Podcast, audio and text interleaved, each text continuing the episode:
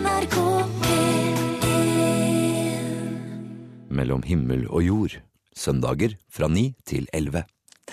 Margrethe Nåvik heter jeg, og på fredagen så fikk jeg en e-post fra Ipsos hvor det sto at én av tre nordmenn overhodet ikke er interessert i fotball. Til denne andelen lyttere så vil jeg si at eh, det blir to timer uten ball nå. Men det blir litt om sykkel, for det sitter en sykkelentusiast og psykolog i hjørnet her hos meg. Og bare så det er sagt, det her kan bli nyttig også for deg som er best uten sykkel, for vi skal undersøke om det går an å se på livet som et sykkelritt. Og vil du si, Jan Ole Hesselberg, at det her er ei meningsløs øvelse? Nei, vi må gjøre et forsøk, da. Ja, du er med på det? Ja. Jeg tror, eh, tror det skal gå bra, jeg. Men nå, Jan Ole, skal du få sitte rolig i hjørnet ditt der uten å si et ord i noen minutter.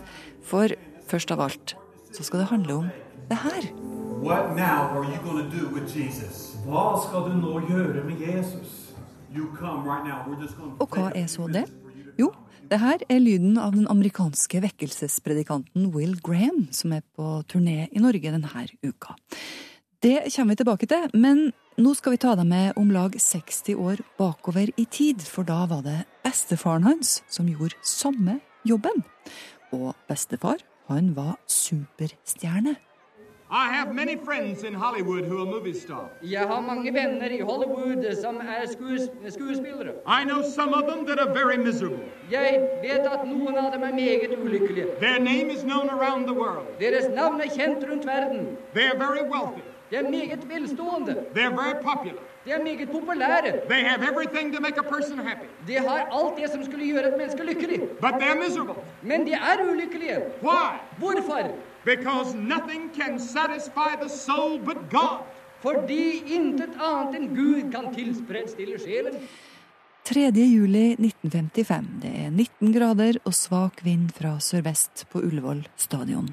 40 000 mennesker har møtt opp for å høre vekkelsespredikanten Billy Graham.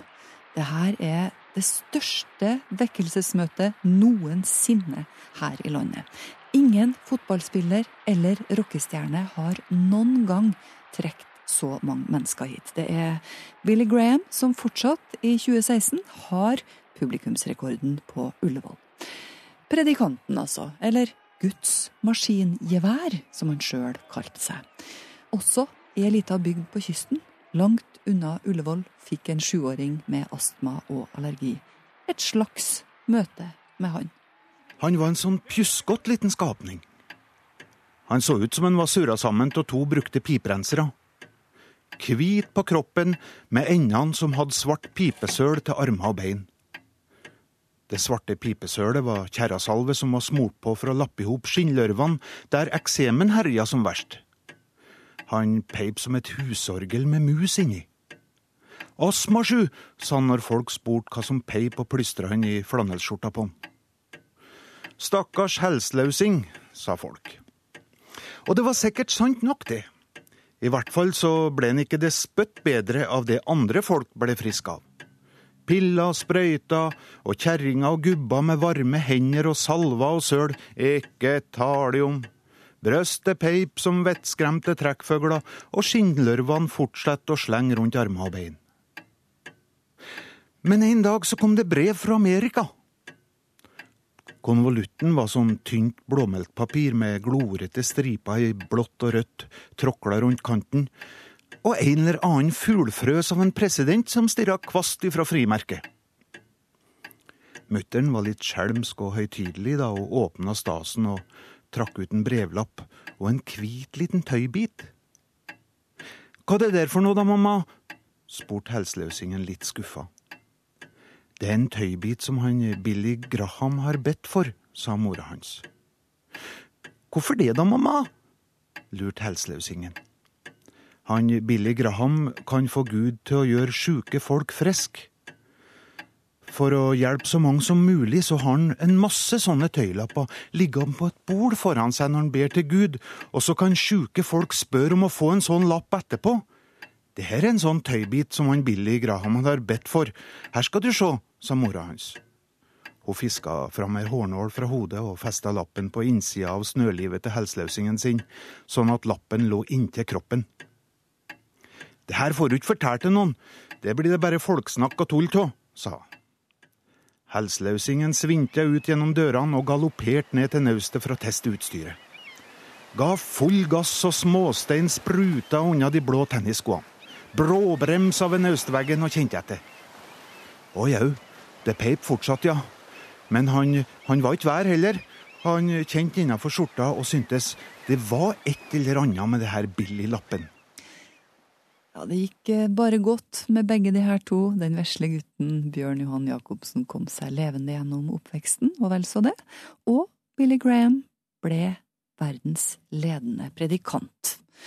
Nå er Billy 97 år, men Billy Graham-organisasjonen lever videre som en av verdens fremste misjonsorganisasjoner. Og barnebarnet til Billy, Will Graham, er altså på turné denne uka. Har du opplevd den Billy Graham i livet? Ja. Nei, på skjerm. Ja, bare på skjerm. For hun spør om det? Å ja. Sykler du? Fra NRK. Sykler du? I 1955 samla den verdenskjente forkynneren Billy Graham 40 000 mennesker på Ullevål stadion. I 1978 samla han 30 000 på Ullevål. 78, da var jeg i Bergen og så på storskjerm, og da ble jeg frelst. I døra på Betel i Trondheim forteller Magnhild Skarsheim at det møtet ble overført på storskjerm til både Bergen og Trondheim. Det var en kjempeopplevelse, og vi har hatt sånne sangbøker eh, som jeg enda har. da. Som du er.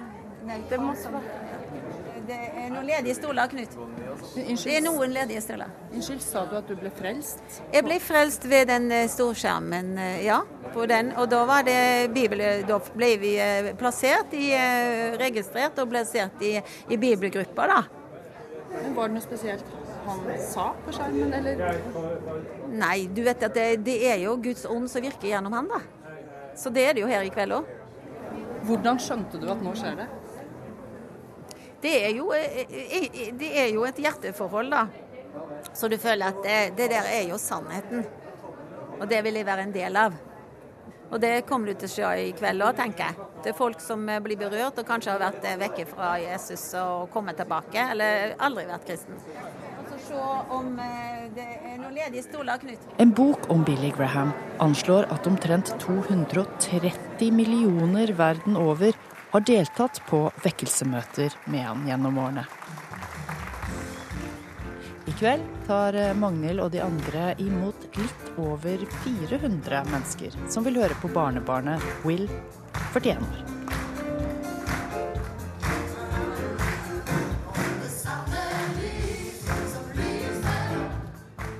Tre generasjoner fra familien Børud synger på scenen. På fremste rad Will Graham i mørk dress. Bak ham all slags folk. Rastafletter, sjal, capser både framover og bakover, smårollinger og folk på alder med bestefar Graham. Pastoren i denne pinsemenigheten går fram. Dag. Det er så bra. Jeg er glad for å på vegne av Salem og Frikirken og Kristen Fellesskap, Frelsesarmeen og Vinjard og Baptistkirken og Misjonskirken og her i Betel få lov til å ønske dere alle sammen hjertevarmt velkommen til en festkveld i Trondheim. Vi er her for Trondheims skyld, og vi ønsker å spre glede i Trondheim. I'm so honored, I'm so privileged to introduce to you Will Graham coming to Trondheim to bless our city by his presence and by the message that God has put upon his heart for our city tonight. Brother, heartily welcome. We give you Det er fremdeles nesten en time til han kommer opp. Det er mer lovsang, vi ser video om Will Graham hjemme i USA, vi ser video om en som lefla med satanisme, men ble frelst i fengsel. Mer sang, og så reiser alle seg allsang. En del løfter hendene. Det ser ut som Graham også synger, men det er sikkert bare oppvarmingsøvelser. For nå nærmer det seg.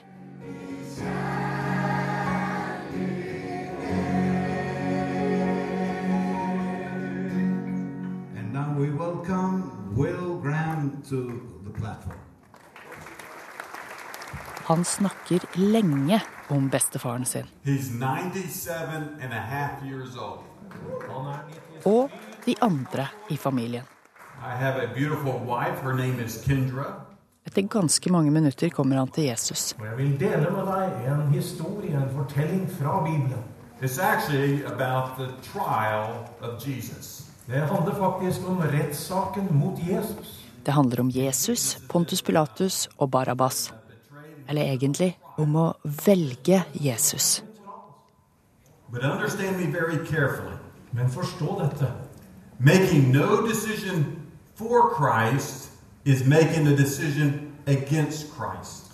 Når du ikke tar en avgjørelse for Jesus Kristus, så gjør du egentlig et valg og velger ham bort. Noen i salen nikker, noen noterer, noen lukker øynene. Flere damer vifter seg. Nesten en time taler de. What now are you going to do with Jesus? Hva skal du nå gjøre med Jesus? 60-70 personer minst går fram foran scenen for å velge Jesus. Står rett opp og ned. Bare brøyt deg vei bortover i benkeraden og ut av døren og ned trappen og kom fram. Det er summer i salen av bønner. Mye s-er. Jesus. Fra Magnhild, for eksempel. Står og ber vet du, når de andre går fram. Og ber at de andre må få se det samme som, som jeg har fått gjort. Only Jesus can save you. Bare Jesus kan frelse. Let's pray. La oss be. Dear Lord Jesus, Kjære Herre Jesus. Kjære Herre Jesus. I know that I am a sinner. Jeg vet at jeg er en synder. Etter bønnen går Will Graham langs veggen og ut. Your life will be radically changed. Livet ditt kommer til å bli radikalt forvandlet. De som vil, kan snakke med møteverter om eh, hva nå? Men det virker som om de fleste der framme hadde tatt valget fra før. Det er bare litt godt å bare si ja til Gud igjen. Det er mye som skjer i hverdagen, og vi har ikke hele tida tid til å bruke tida vår på Gud, men på sånne møter når man går fram, så kanskje får man en liten, en liten ny begynnelse da, på å leve med Gud i hverdagen. da. Jeg heter Ricardo, jeg er 35 år. Jeg jobba i barnehage i 14 år. Gikk du fram her i kveld? Ja, det gjorde jeg, vet du. Hvorfor gjorde du det? Nei, fordi at uh, det traff meg litt, da. Det gjør det akkurat. Alle sammen er jo søken på et eller annet, og man Så Hvorfor kom du på møte i dag, da? Det var tilfeldig. Jeg skulle dra trene, egentlig. Og så sykla jeg forbi, så jeg masse biler, og så kom jeg inn bare, og så bare Oi! Så én plass baki der, så bare Ja. Det var helt tilfeldig. Ganske snart, egentlig. Jeg fikk gåsehud, så begynte jeg nesten å, å skrike, egentlig, for jeg følte medlidenhet for den historien som Jesus opplevde.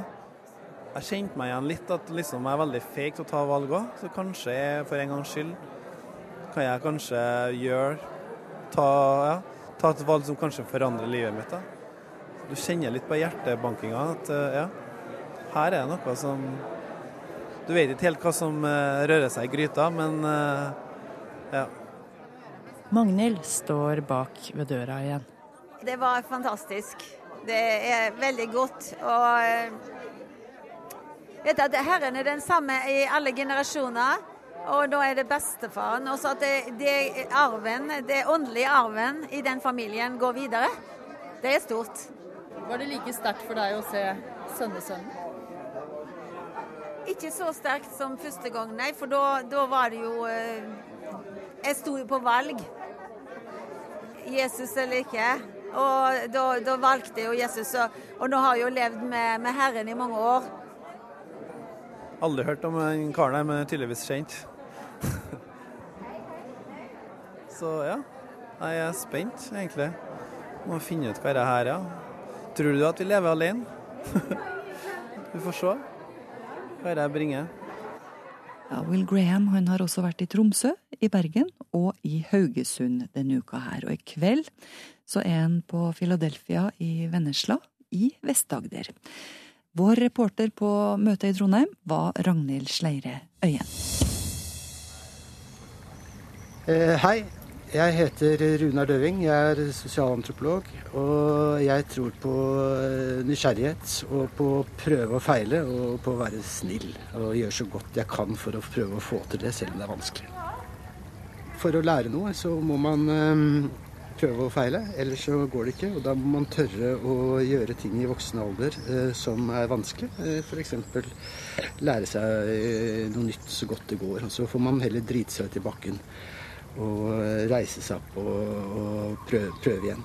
Lære noe nytt eh, hele tiden. Det trigger livets nysgjerrighet. Ja, har du eh, lært deg noe nytt i det siste?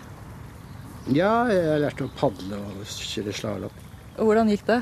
Nei, eh, det er, altså, det er forbausende lett, egentlig. Eh, Det jeg ikke klarte derimot, var eh, skateboard. Der er jeg fullstendig talentløs. Men du prøvde? Ja, jeg prøvde litt, men eh, jeg skjønte det at, det- at det ville jeg aldri kunne lære. Så jeg er ikke noe særlig glad i å slå meg. Så jeg er, ikke, jeg, jeg er veldig redd for fysisk smerte. Eh, og prøver å trene opp det også, men eh, det er vanskelig i voksen alder. Man slår seg bare mer og mer. Men jeg, skal, men jeg har lyst til å gå et kurs, hvis jeg kommer over et kurs i, eh, i, i et fallkurs, eh, så vil jeg gjerne gå, gå på det.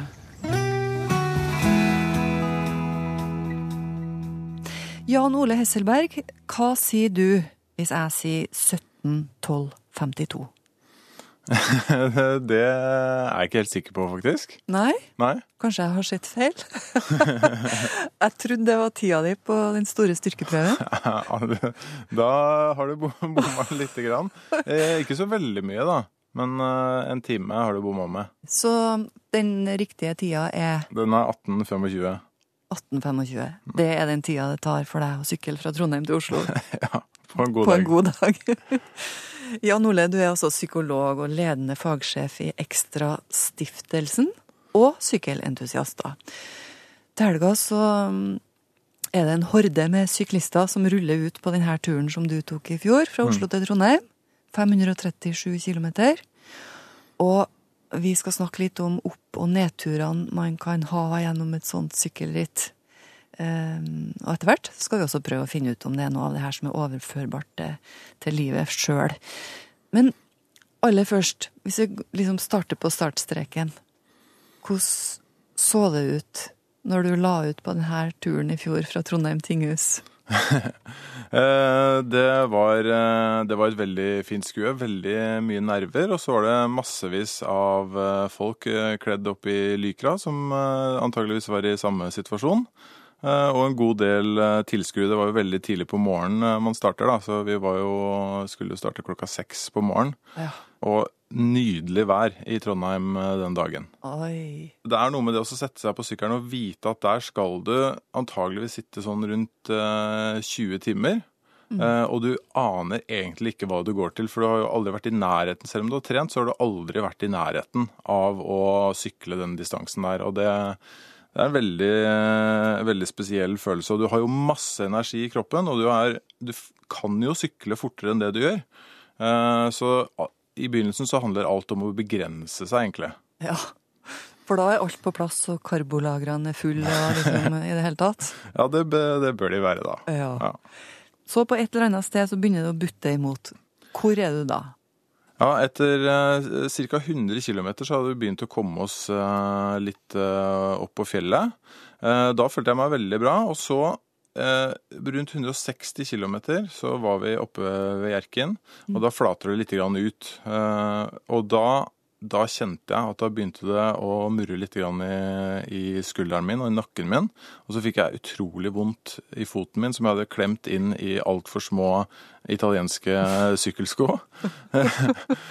og, eh, og jeg tenkte at dette her, dette, dette går antageligvis ikke spesielt bra, for det er eh, 400 km igjen av denne turen. Og jeg har egentlig for vondt allerede nå. Eh, og da så jeg ganske mørkt på, på det å fullføre. Men da har du altså tippa Hjerkinn, så da begynner det å rulle litt nedover mot Dombås. Ja da, og det er jo det fascinerende er at eh, plutselig så ga det seg. Eh, plutselig så hadde jeg ikke vondt lenger. Eh, og det skifta mellom egentlig sånn det å så være helt på toppen av livet, egentlig. Den beste følelsen du noensinne har hatt. Og også eh, masse smerter og kvalmhet og egentlig desperasjon, da. så, eh, så, det er sånn, det er veldig rar eh, Det svinger uvanlig fort, gjør det. Men eh, har du noe sånn formening om hvor lang disse periodene var?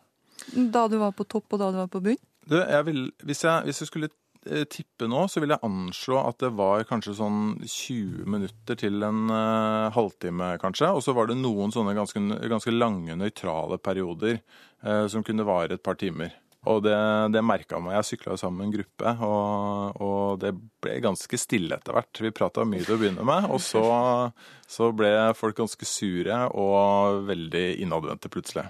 Men husker du et punkt på veien hvor det var liksom hvor du hadde helt topp? La du merke til hva som var rundt deg og sånn?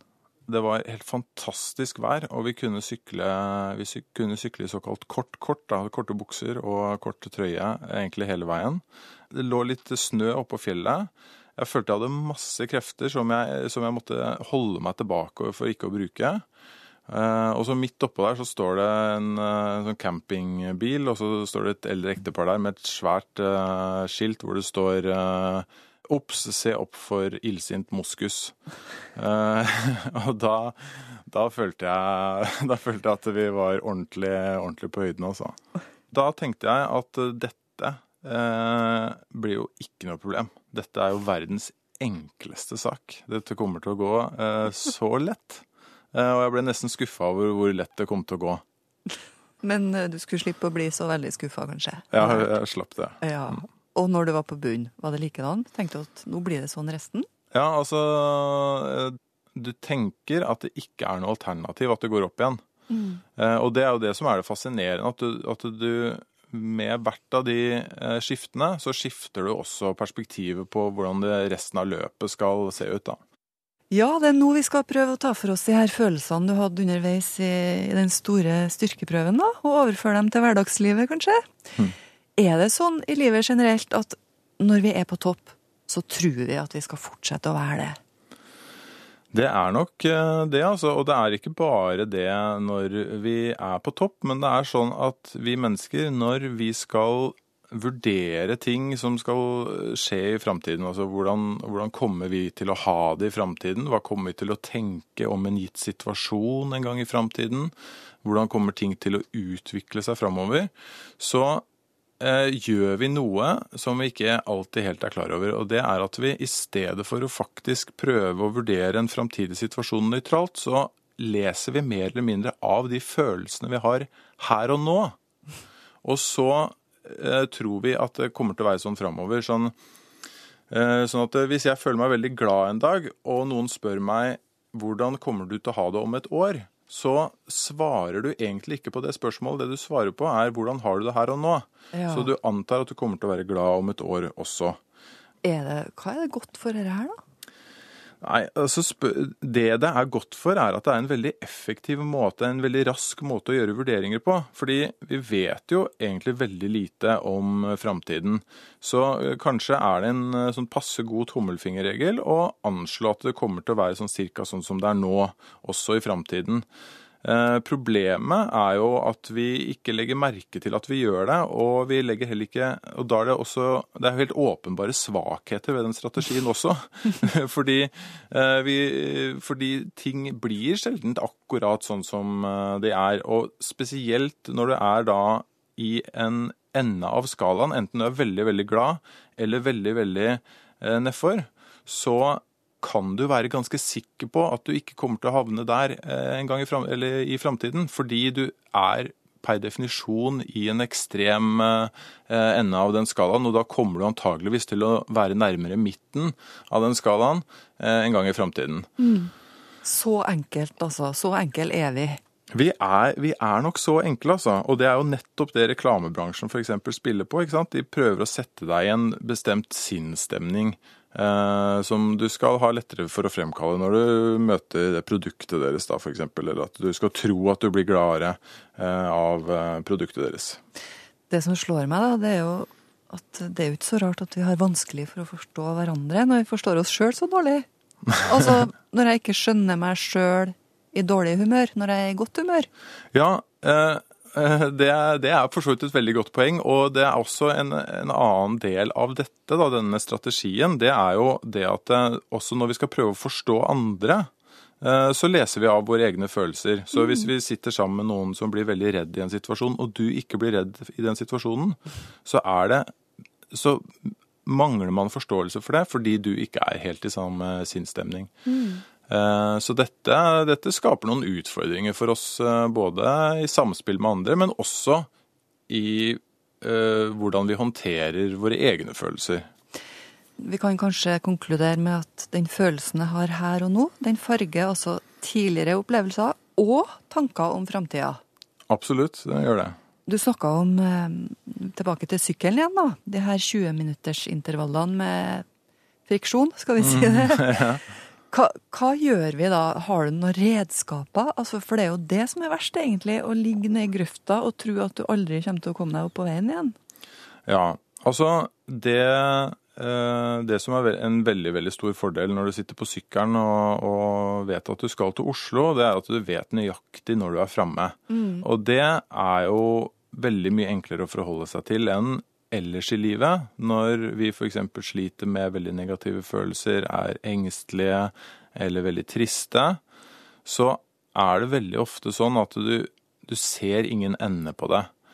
Eh, Og du vet jo heller ikke når det kommer til å gi seg, så Men en god strategi, da, det er jo å se for seg at du, du er i enden av en skala. Eh, og at hvis du ser framover, så er det aller, aller mest sannsynlig at du ikke kommer til å være på, i den ekstremenden av skalaen. Det er ikke sikkert at alt er kjempebra om et år, men det er veldig stor sannsynlighet for at det er bedre om et år. Uh, og det også hele tiden tenke ganske lang tid framover og være skeptisk til sine egne vurderinger, det tror jeg er en veldig, veldig lur strategi.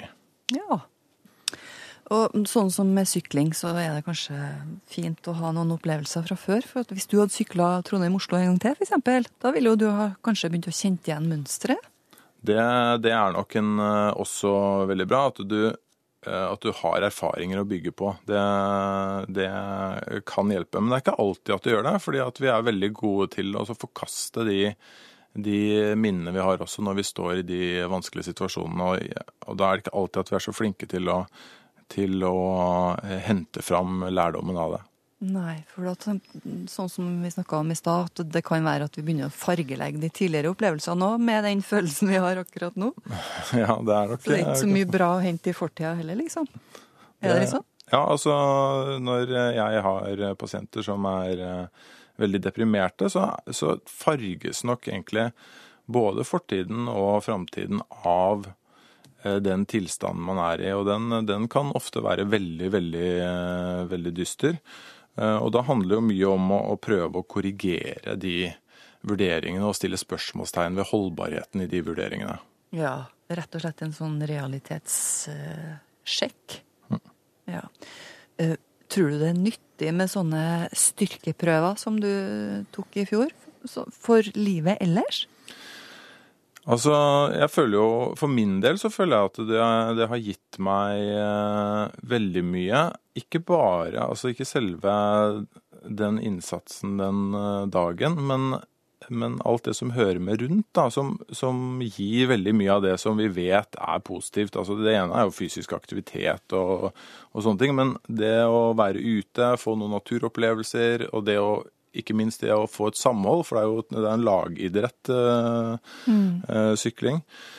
Så det er jo veldig mye, mye som kommer med disse tingene, og ikke minst det å nå et mål som man har satt seg. Det, det er jo eh, veldig positivt for å bygge selvtillit og, og ja, generelt ha gode minner som man kan hente fram også. Hva med det her med å plage seg sjøl, da? Er det noe vits i det, eller? Jeg tror altså når man kommer dit, så er jo ikke det Så oppleves det ikke på, som å plage seg selv. Jeg tror uh, veldig ofte så tenker vi at uh, store idrettsstjerner er veldig flinke til å plage seg selv, men, men de får jo en glede ut av det. Eh, og gleden er ikke nødvendigvis akkurat det ubehaget der og da, men det de vet kommer etter endt treningsøkt. Det de vet kommer eh, i VM-et de trener mot. Eh, de langsiktige målene. Og det er nok noe vi kan lære av alle sammen. Det at vi har noen flere, kanskje flytter løfter blikket litt mot horisonten og har noen målsetninger der framme som, vi- som vi strekker oss mot, og ikke hele tiden eh, er avhengig av den positive feedbacken i øyeblikket, da. Ja, for det tenker du at det er det vits i. Det tenker jeg. Skjer det noe oppi hodet, liksom? Eksploderer oppi hodet når du, når du presser deg sjøl? Finner du noen nye rom oppi der som du ikke var klar over, eller noe sånt? Nei, altså Det er ikke helt uh, godt Det jeg, det jeg uh, kjenner at jeg trigges veldig av, er at, uh, at man flytter grensene litt hele tiden. Man får til mer, man får til noe annet. Jeg hadde en lang sykkeltur eh, her om dagen som, eh, som hvor ting gled mye lettere enn det vanligvis gjør, og det gikk fortere enn det vanligvis gjør. og eh, Du får feedback på det av andre, og ja, nei, det Eh, Det er, handler om å Du føler at du skaper noe, eh, og at du mestrer noe som du ikke gjorde for noen år siden. Da. Mm. Og ikke bare fysisk. Ikke, nei, ikke bare fysisk. Det handler veldig mye om det mentale. Ja. Forresten, hvor har du medalje? Går du med den til hverdags? Uh, jeg tror faktisk ikke vi fikk noen medalje, altså. Nei, det er eh, det Ikke det- diplom engang? Ja, vi fikk noe diplom, ja. Med sånn nedlastbart som du kan skrive ut selv. Så det er nok minnene som er, er det viktigste. Du hører på mm, NRK P1. Mitt navn er Margrethe Nåvik. Og hvis du lånte bort øret ditt til oss også forrige søndag, så hørte du en ung mann som lager humor av handikappet sitt på scenen. Stian Foss fra Trondheim han er sist i 20-åra. Han er rullestolbruker og standup-komiker. Han sparer altså ikke på kruttet for å få folk til å flire av det som i utgangspunktet kan virke som en sårbar situasjon. Kollega Camilla Kjønn Tingvold har ei problemstilling til han som går på det her med hvem er det som kan flire av hvem, og i hvilken situasjon? Nå har jeg en problemstilling til deg. Du går på et eh, standup-show. Eh, Det er en komiker som står på scenen. Han står, han sitter ikke i rullestol, men han tuller med de som sitter i rullestol. Bruker ordet krøpling. Hvordan reagerer du på det? Um, Når, når andre som ikke er i din situasjon, tuller med, med det? Jeg hadde nok kommet til å blitt litt satt ut over at jeg faktisk har fått viljen min. Hvordan da? Jo, for jeg er ikke vant med det. At andre folk gjør det. Så jeg hadde nok kommet til å blitt litt sånn Oi, OK. Du gikk dit, du. Det Men hvis vitsen er bra, da nøler ikke jeg med å flire ekstremt høyt, altså. Ok, Så det vitsen det kommer an på. Hva er det som hadde fått deg til å reagert negativt? Det lurer jeg på. Jeg tror det er Hvis det hadde virka for, for forsiktig, eller mer sånn der å gjøre det bare for å gjøre det. Hvis du gjør det bare for å ja, si sjokkere eller noe sånt. Men hvis det har en funksjon Det var jo en, jeg husker ikke hvem det var i farten, som drev og snakk... Drev og nevnte det i sånn forbi I ei lita bisetning. At folk i rullestol klager så mye. Og jeg bare Ja, det er jo et poeng her. Det var jo ikke å nekte på. Jeg, jeg måtte jo flire. Så det er, det er mer det der Hvis det er et poeng, så er det greit. Du, og gjerne gå litt hardt ut. Da syns jeg det er verre hvis man holder igjen. Du hører jo av og til i media at eh, komikere får eh, kritikk for at eh, de eh, tuller med de som har en utfordring. Både funksjonshemma eh, og tuller med hendelser i nyhetsbildet som har vært alvorlige. mm. Og så lager du humor ut av det. Ja. Og igjen så spør jeg hvem kommer kritikken fra? Er det dem som faktisk er midt i utfordringa? Eller er det alle de andre som skal være på en sånn høy hest og være sånn uh, korrekt og sånn? For det er litt mitt inntrykk av media at kritikken kommer fra dem som ikke vet hvordan det er. Fordi at de har fått for seg at nei, det her er slemt. Det skal vi ikke gjøre. Men av og til så kommer jo kritikken fra de som faktisk eh, opplever det. Jo, jo. Mm. Det Men det er, det er vanskelig å si generelt om det her, for det her vil jeg si kommer veldig an på både setting og hvordan vitsen er bygd opp og sånne ting. Mm. Så det at man tuller med i seg sjøl, er ikke nok i mitt hode til å reagere. Det kommer an på hvordan og i hvordan setting. Og, og det kan også komme an på noe så enkelt som hvordan vits som kom før og etter. Og rett og slett hvordan man bygger det opp. Stian Foss han mener altså at eh, hvem som helst kan tulle med hva som helst, så lenge det er et poeng med å tulle med det. Og nå er det Ove Gundersen som skal få ta over roret her hos oss, for han har fått en interessant besøkende. Arne Nordahl, velkommen til Mellom himmel og jord. Tusen takk.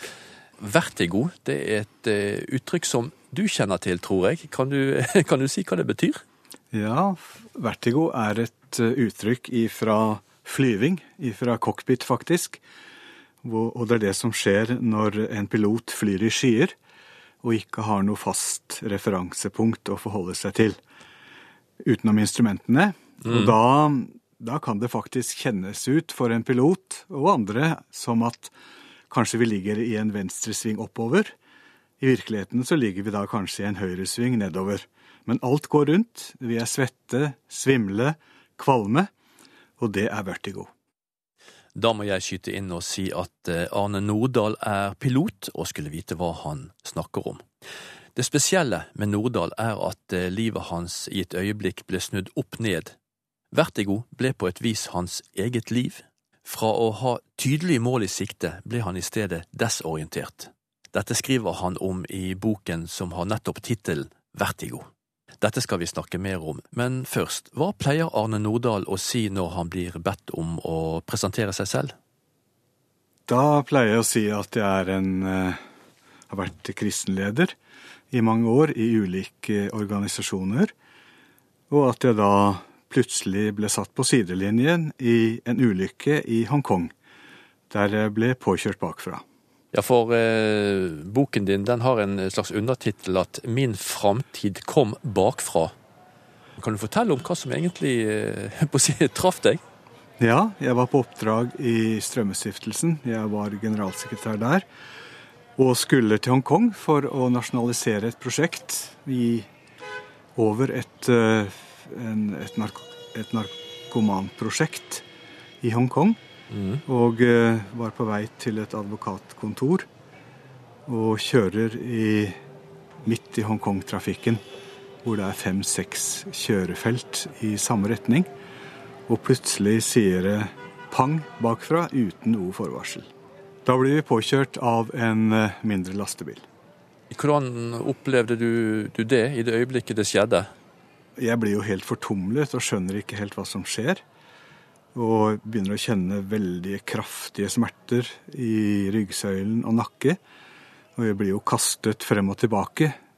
Whiplash er jo en beskrivelse på et ulykkesforløp, og kanskje ikke først og fremst en diagnose. Så jeg blir kastet fremover og bakover, og frontruten sprekker. Skjønte du egentlig at dette her var en, en skade for livet? Nei, det skjønte jeg ikke. Jeg satt ved siden av en misjonslege da dette skjedde, Olav Spegeren.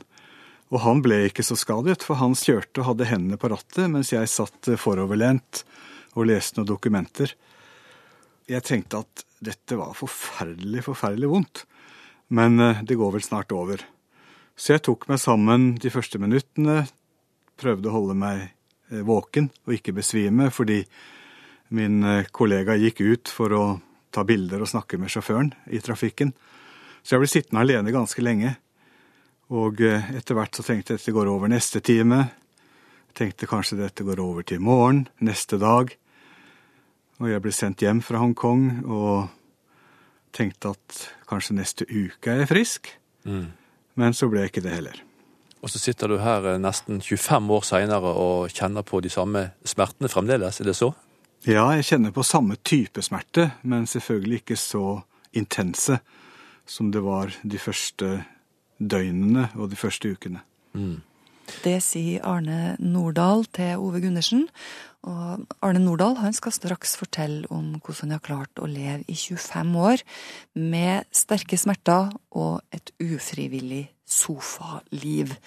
Og hvor ble det noe av denne englevakten? Ja, Melissa Horn her. Vi snakker med Arne Nordahl, som har bakgrunn som leder i flere sammenhenger, og som pilot. Etter ei trafikkulykke i Hongkong for eh, ja, ca. 25 år siden, så ble alt annerledes.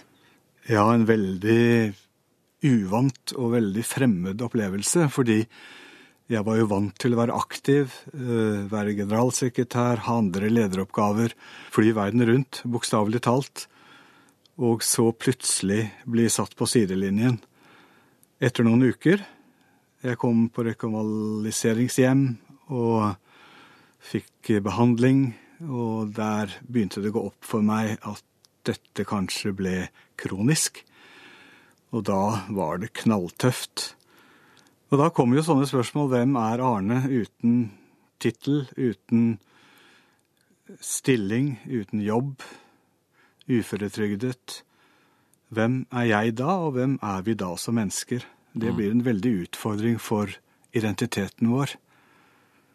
Hva slags eh, svar ga du deg sjøl da når du spurte hvem er Arne? Hva ble svaret da? Etter en stund og mange ja, tusen timer hjemme på sofaen, å reflektere og være alene utenfor arbeidslivet, utenfor det å bli regnet med, så, så har man jo ikke noe valg. Man er nødt til å møte seg selv uten alt dette, som på en måte skaper vår identitet. Og da finner jeg ut at Arne er for så vidt en ok kar å treffe og, og ha et forhold til Mm. uten alt dette. Men eh, det er jo mange, mange timer med refleksjon og bearbeidelse som ligger bak for å komme fram til å ha på en måte ro i en sånn situasjon. Hvordan har det vært å leve med, med den smerten, da? Å våkne om morgenen og kjenne på den smerten som eh, minner deg på dette hver dag? Ja, nå har man jo smerte om natten også, Ja. så eh, det er veldig tøft. Og det er eh, fremfor alt veldig energitappende Og på en måte aldri få fred for, for det som er vondt i kroppen. Og jeg har nå ca. 1700 fysioterapitimer bak meg så langt i livet. Og jeg har flere tusen treningstimer. Så jeg kjemper en kamp for å holde meg på beina og fungere eh, egentlig så godt som jeg kan, da. Midt oppi dette her så har jo du jo tatt på deg eh, tunge lederverv eh, siden. Hvordan klarte du å etablere en sånn type styrke til å, til å gå inn igjen i, i lederoppgaver? Ja, heldigvis så ble jeg spurt. Jeg har eh, i mange år vært involvert i en organisasjon som heter MAF, Mission Aviation Fellowship, som er verdens største organisasjon for bistandsflyving, Mm. med 135 fly eh, i 35 land. Så eh, jeg har vært med i mange år og og vært med å starte den norske avdelingen, men ble også spurt da om å ha et tyngre lederverv internasjonalt, og vi har hovedkontorer i Australia, USA og England.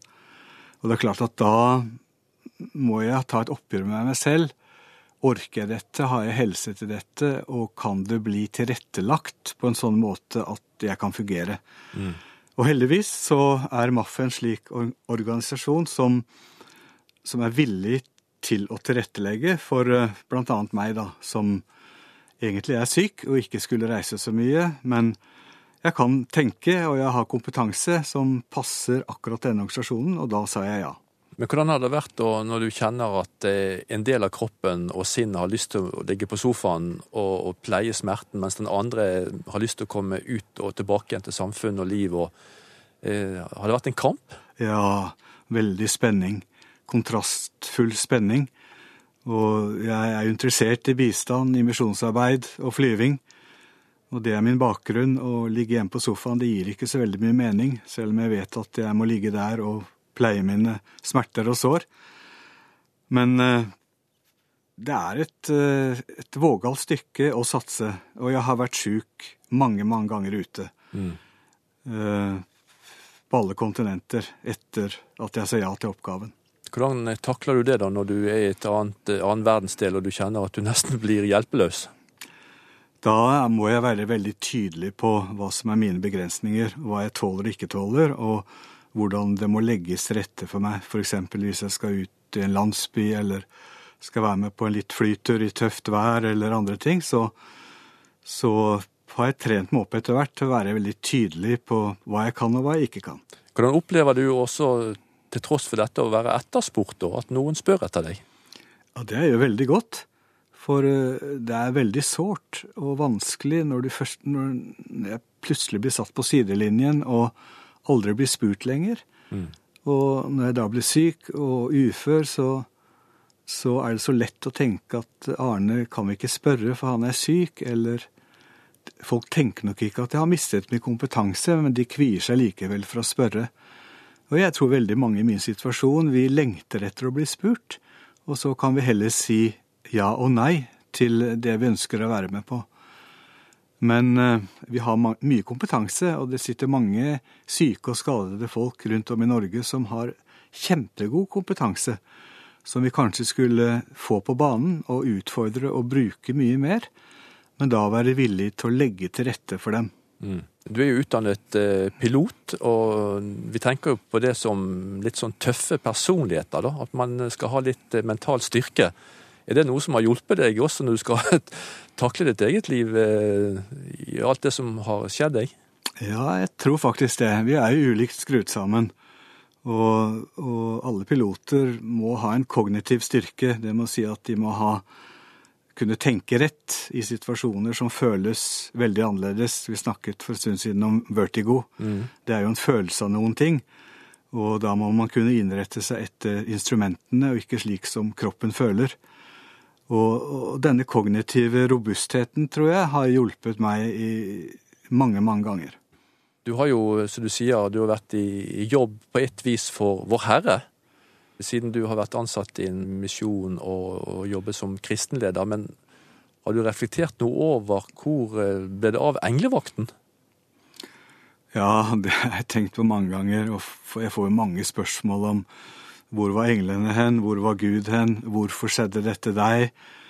Hvorfor kunne dette skje deg? Og jeg skriver mye i boka mi om akkurat dette, som jeg forresten kaller for sofarefleksjoner en blir jo møtt med ganske mye rart, for å si det rett ut. Folk mener det godt, men ofte så kan det virke mot sin hensikt å på en måte stå til rette for og skulle forklare hvorfor dette skjer med meg.